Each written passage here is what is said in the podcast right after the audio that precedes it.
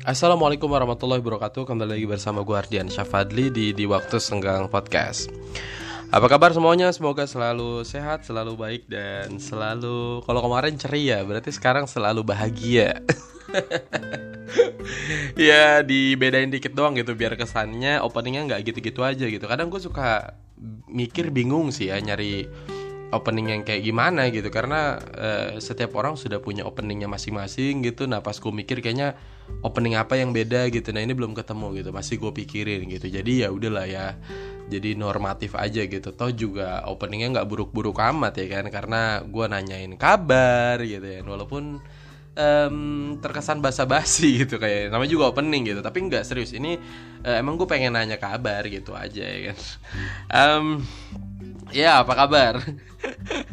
Aduh, apa kabar lagi aja nih? Oke, okay, um, selamat hari Minggu. Kemarin adalah hari Sabtu dan gue bikin podcast lagi di hari Minggu. Kayaknya bener-bener gabut banget gitu. Kemarin itu sebenarnya hari Sabtu itu gue kerja kan gitu, tapi karena bete akhirnya ya udahlah gue bikin podcast gitu karena ada hal yang pengen gue obrolin juga gitu. Nah di hari minggu sama ternyata PT-nya walaupun hari minggu ini adalah hari libur.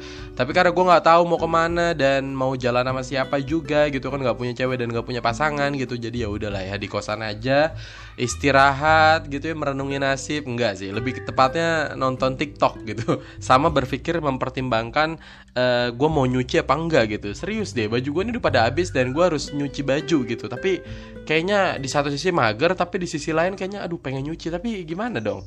Belum gue laku lakuin gitu. Kayaknya nantilah uh, selepas gue bikin konten gue apa namanya bikin uh, podcast baru gue mulai nyuci gitu. Tapi penting amat buat kalian gitu ya nyuci oke okay, um, gini teman-teman. Uh, beberapa waktu lalu tepatnya beberapa jam lalu gitu gue scroll ya di IG gitu hal-hal yang Uh, dan nemu kata-kata yang menurut gue unik dan menggelitik gitu. Dan ya kata-kata ini sebenarnya ya uh, fit Instagram gitu ya tapi uh, ya ada isinya gombalan juga ada hal-hal tentang hubungan gitu yang menurut gue uh, ya menggelitik aja gitu untuk untuk kita bahas gitu jadi uh, kita di podcast kali ini lebih ke santai-santai aja, nggak ngobrolin berat juga gitu. Jadi lebih tepatnya ngebacain tentang um, ya tulisan tulisan-tulisan di Instagram yang menurut gue kayaknya lucu dan perlu menjadi apa ya ya perlu menjadi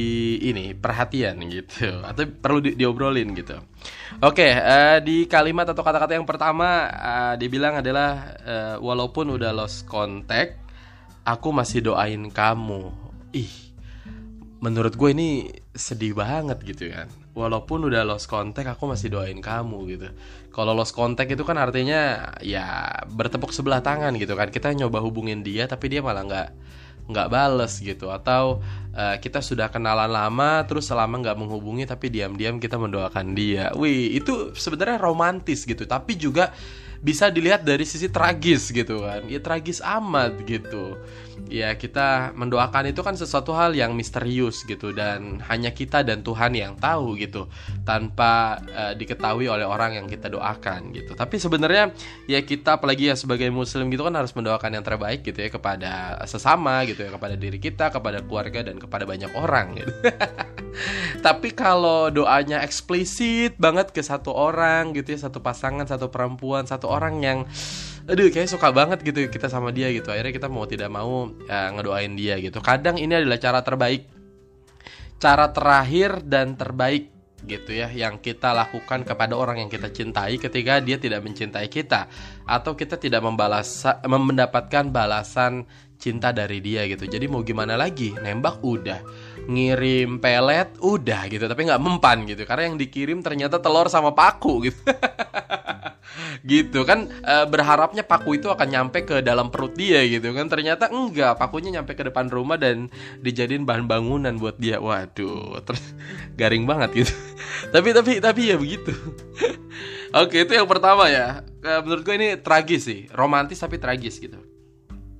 Um, di yang kedua itu adalah dia bilang gini kadang kitanya udah mati-matian tapi dianya malah mati-matiin. Ya ampun.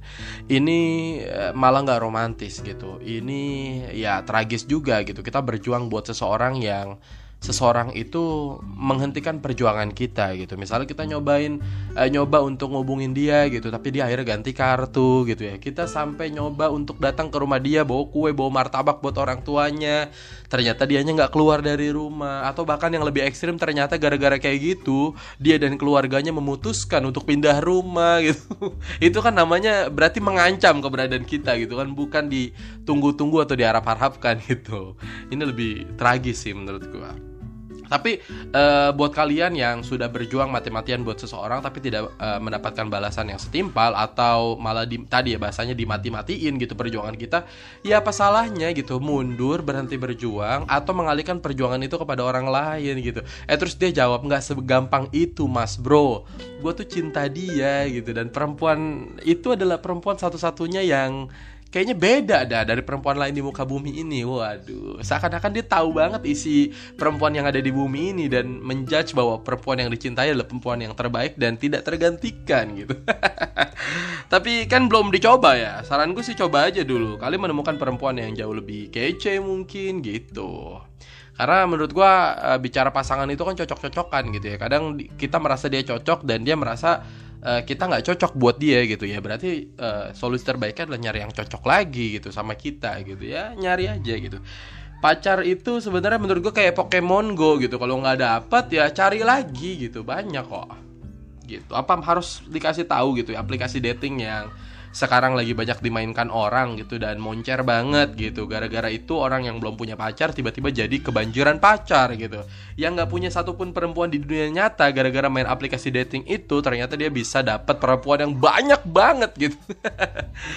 Aduh oke okay lah. Uh, itu nomor berapa ya? Nomor dua lah ya. Oke okay, kita beralih ke yang nomor tiga. Uh, dia bilang sakit hati karena FWB friend with benefit maksudnya FWB itu kalau zaman dulu kayak TTM kali ya teman tapi mes mesum gitu. Bukan maksudnya teman tapi mesra gitu. Uh, sa uh, sakit hati karena FWB perawatannya nggak ditanggung BPJS jangan coba-coba. Nah um, ini ada beberapa teman gue yang uh, ngelakuin FWB gitu F FWB ya apa sih? Gue lupa lah FWB ya FWB gitu kan um, tapi akhirnya malah jatuh cinta gitu. Dia FWB-an dengan orang yang sudah punya pasangan sudah punya istri atau punya suami gitu. Dan ya awalnya mungkin ya, sepakat gitu untuk tidak membawa pada ranah yang serius gitu. Walaupun mereka deket dan mereka ya romantis romantisan mereka jalan gitu ya. Tapi ternyata ujung-ujungnya terjebak juga baper juga gitu. Padahal di awal udah bilang kalau gue udah punya suami, gue udah punya istri dan lu boleh aja suka sama gue dan gue juga bisa suka sama lu tapi ya uh, ya di awal kita sepakatin dulu kalau kita memang tidak bisa untuk lebih serius lagi gitu. Tapi ya apa dikata kita mungkin bisa berkomitmen secara kata-kata tapi perasaan kita tuh nggak bisa menjalin komitmen dengan siapa pun gitu. Iya kan? Kalau uh, perasaan itu mungkin bisa diarahkan seperti kata-kata kayaknya dengan mudahnya ada orang berpindah ke lain hati kalau ditolak kemudian pindah nggak ada perjuangan dan lain sebagainya gitu. Jadi ya ya itulah uh, misterinya apa perasaan gitu kadang nggak bisa diarahkan kita nggak bisa menolak bahwa mungkin orang-orang FWB di awalnya ya udahlah fine fine aja kita sepakat gitu ya nggak ada baper segala macam tapi ke sana sana ternyata perlakuan dia nggak buat kita nyaman banget gitu bikin kita betah banget dan kayaknya kehilangan dia sehari aja udah kayaknya sepi banget dunia ini gitu. Jadi ya mau gimana gitu akhirnya ya baper dan jatuh cinta gitu. Nah ujung-ujungnya malah ngerusak hubungan orang. Nah ini uh, mesti dihindari gitu ya. Uh, maksud gue kalau tidak siap dengan resiko dari melakukan FWB apa atau kalau kita merasa bahwa kita orangnya gampang baperan gitu sama orang kayaknya nggak usah FWB FWB-an lah gitu. Jadi mendingan langsung pacarin aja gitu Ya kan, nah itu um, yang ketiga gitu ya. Nah kemudian lanjut lagi ke komentar, bukan komentar sih ke feed yang keempat. Dia bilang gini, Min, uh, eh, gue kok susah banget ya minta kejelasan status hubungan sama gebetan. Terus dijawab, zaman sekarang kalau mau tahu kepastian hubungan harus diajak staycation dulu minimal Bandung lah. Waduh. Um, aduh gue udah komen deh iya iya iya iya. Jadi um, ya staycation itu apa ya kata halus untuk uh, bisa ngajak cewek check in sebenarnya ya kan. Um, tapi aduh deh. Oke ini nomor 4 ya. Uh, kita uh, beralih ke nomor selanjutnya gitu. um, ada caption yang menarik menurut gue nih. Kata dia susah banget minta ketemu seminggu sekali. Gue harus gimana ya? Jadi ada orang yang bilang gue susah banget minta uh, ketemu buat seminggu sekali gitu.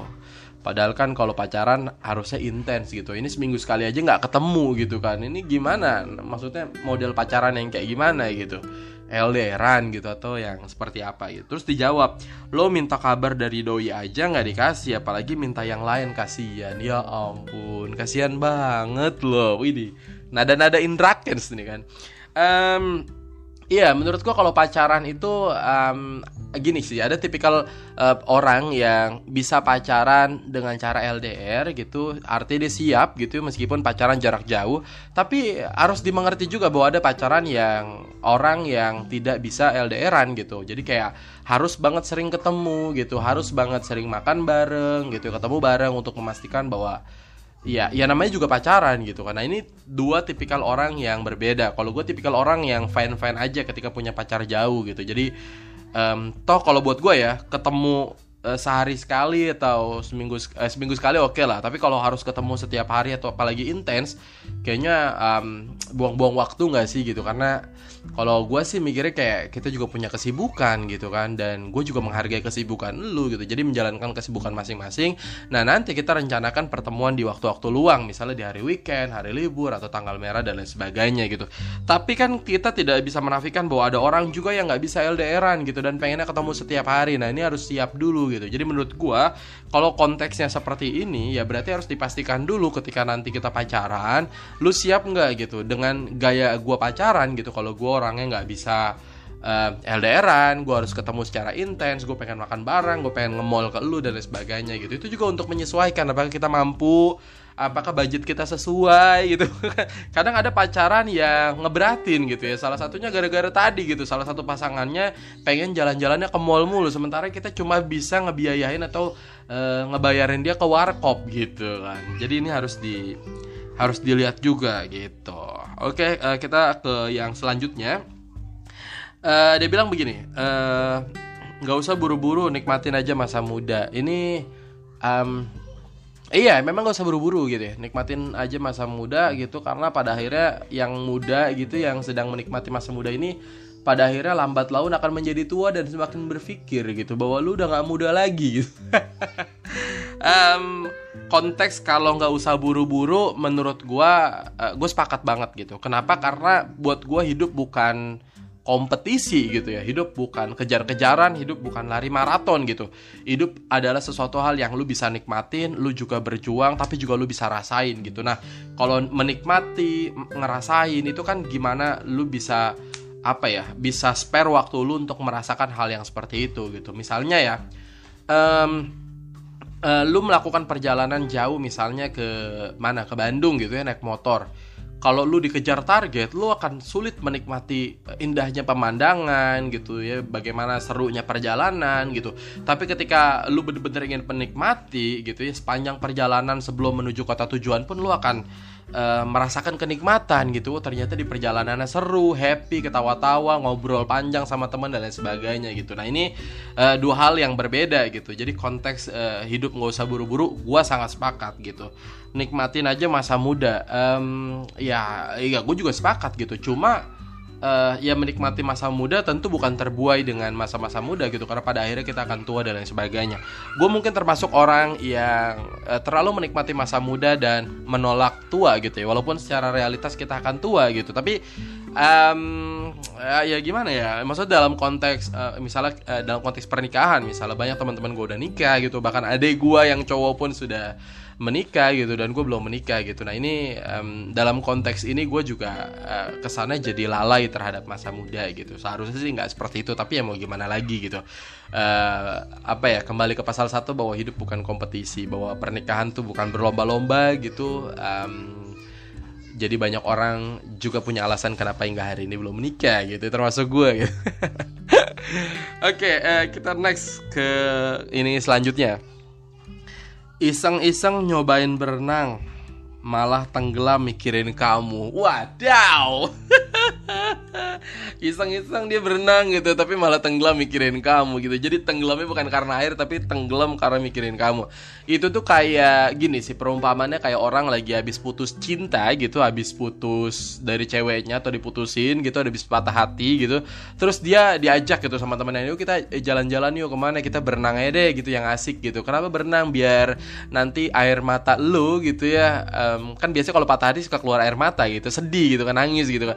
Biar nanti air mata lu tersamarkan gitu oleh air kolam renang. Iya ilah gitu. Nah ketika datang ke kolam renang ya kan dia mencoba untuk menyamarkan air mata ternyata tidak lupa gitu dengan uh, ceweknya gitu. Ya kan ternyata tidak bisa menghilangkan rasa kesedihan bahwa dia sedang patah hati gitu. Ya um, pada akhirnya obat patah hati itu apa ya? Tidak ada pada eksternal sih. Misalnya ada orang patah hati kemudian jalan-jalan ke gunung.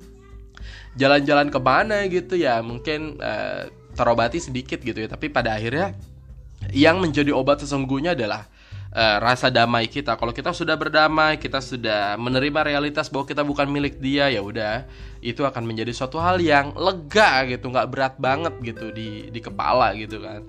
Yang bikin kita berat itu kan kita nggak bisa menolak realitas gitu. Kita selalu yakin bahwa dia adalah milik kita dan kita selalu yakin bahwa kita bisa kembali ke dia gitu. Dan dia bisa kembali lagi ke, ke genggaman kita gitu. Nah itu yang jadi masalah gitu ya. Oke kita next lagi um, ada kata-kata menarik lagi nih. Dia bilang hidup kita biar Tuhan aja yang ngatur. Oke mantap tur. Uh, kemarin karena kemarin coba ngatur sendiri malah berantakan. Ya ampun.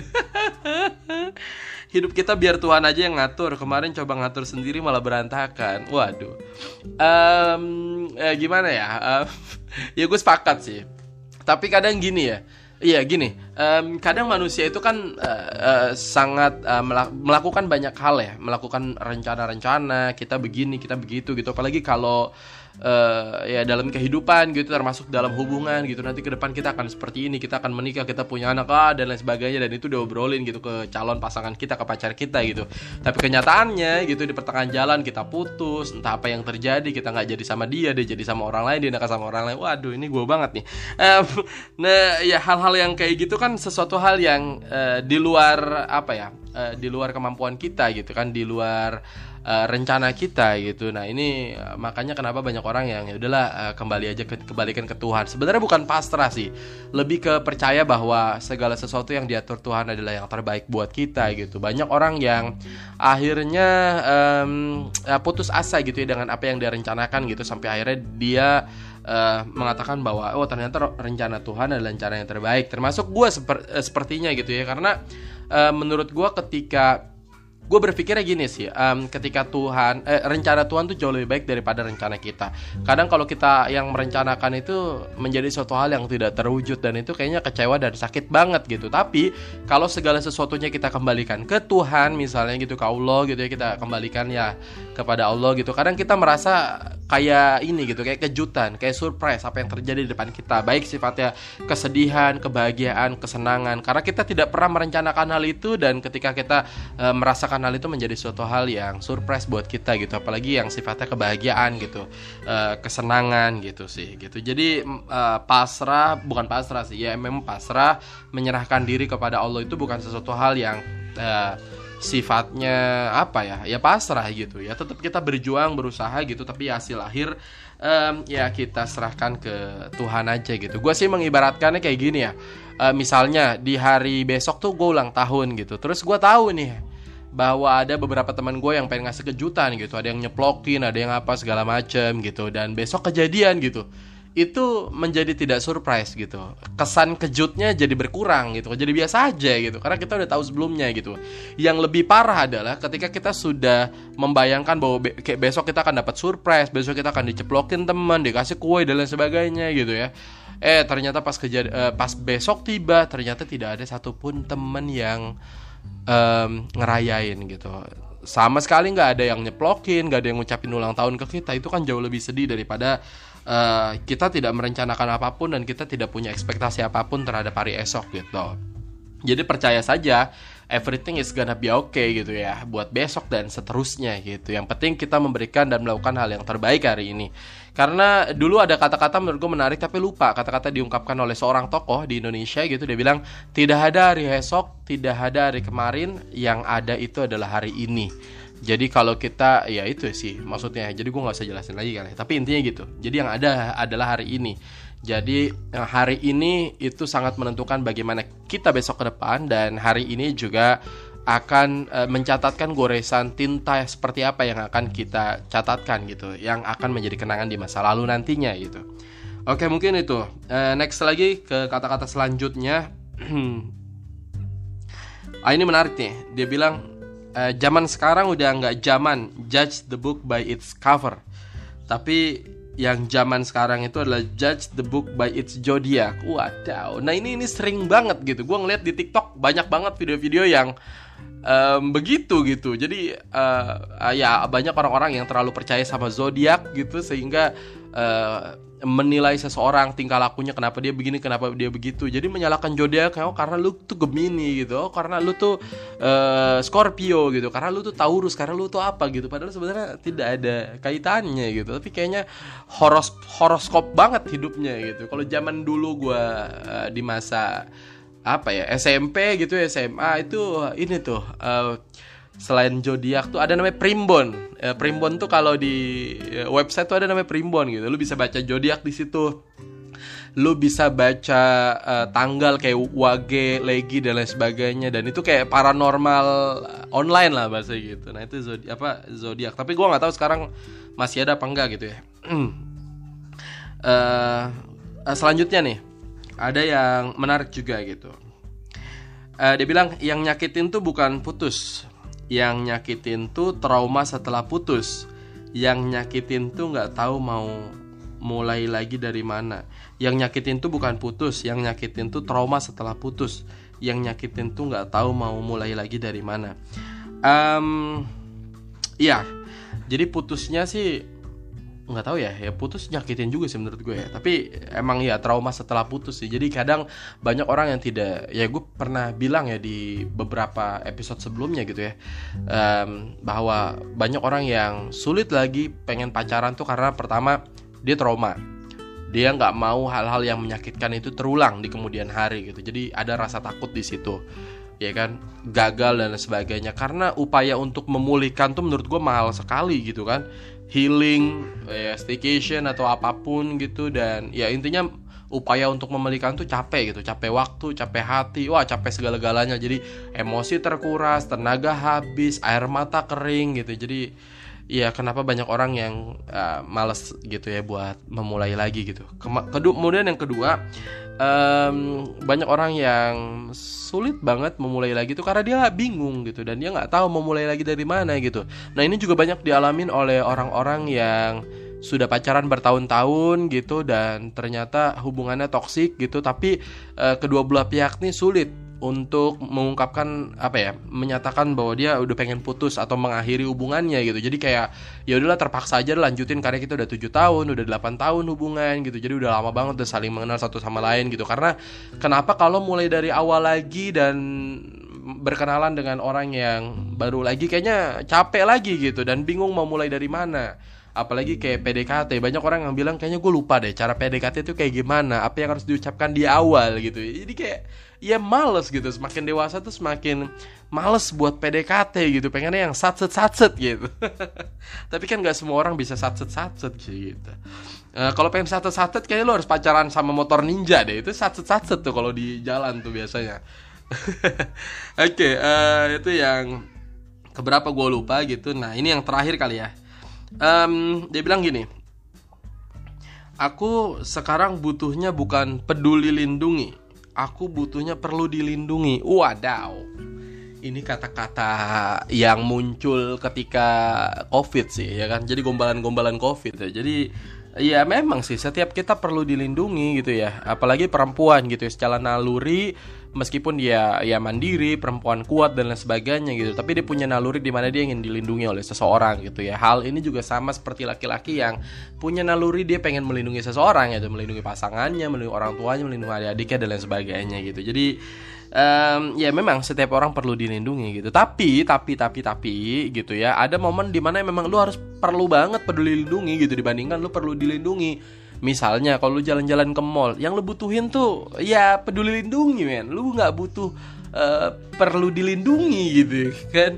Karena wajib banget sekarang ke mall-mall tuh ya peduli lindungi gitu kecuali lu jalan ke pasar impres mungkin gitu. Nah, itu kan nggak perlu tuh ya peduli lindungi gitu. Nah, ini peduli lindung ini wajib gitu kan itu untuk menandakan apakah lu sehat atau enggak karena covid atau enggak sudah vaksin atau belum kayak gitu ya menandakan bahwa lu juga steril lah bahasanya gitu. Ya itulah uh, beberapa quotes quotes atau apa ya uh, kata-kata di Instagram yang menurut gue uh, seru aja gitu ya di komentarin gitu. Dan ya terima kasih semuanya sudah uh, mendengarkan uh, podcast DWS yang ya biasa-biasa aja ini gitu. terima kasih atas waktunya, benar-benar terima kasih banget gitu yang udah mendengarkan podcast DWS dan jangan lupa dengerin podcast DWS di episode-episode selanjutnya gitu karena mungkin uh, selain gua sendiri nanti akan bikin podcast gitu nanti akan kehadiran teman gua lagi Bibi atau Farhan Satri atau teman-teman yang lain yang bakal ngisi podcast gitu. Rencananya gue nanti akan mau podcast lagi sih entah kapan gitu ya sama Alfat. Dia adalah orang hukum yang sekarang sekarang kerja di uh, pemprov DKI Jakarta yang um, ya gue akan ngobrol banyak sama dia sih. Kata dia gue sempet ngajak gitu uh, kemarin ke dia dan ternyata dia mau. Karena karena kata dia bilang ternyata dia juga punya banyak sekali keresahan yang pengen diobrolin gitu. Ya gue sih pengennya tentang hukum tapi ternyata dia bilang ya tentang IKN bisa tentang apa pun bisa. Jadi ya nantikan terus episode-episode selanjutnya gitu. Um, ya terima kasih juga buat kalian yang mungkin di hari minggu ini sedang jalan-jalan mungkin sedang staycation sama pacar barunya mungkin ya sehat-sehat terus dan baik-baik terus di perjalanan gitu ya. Jangan lupa minum antimo biar nggak mabok juga. Wede kayaknya disponsori antimo nih. Enggak enggak bong. Um, ya terima terima kasih buat semuanya. Gue Ardian Syafadli dan gue pamit. Wassalamualaikum warahmatullahi wabarakatuh.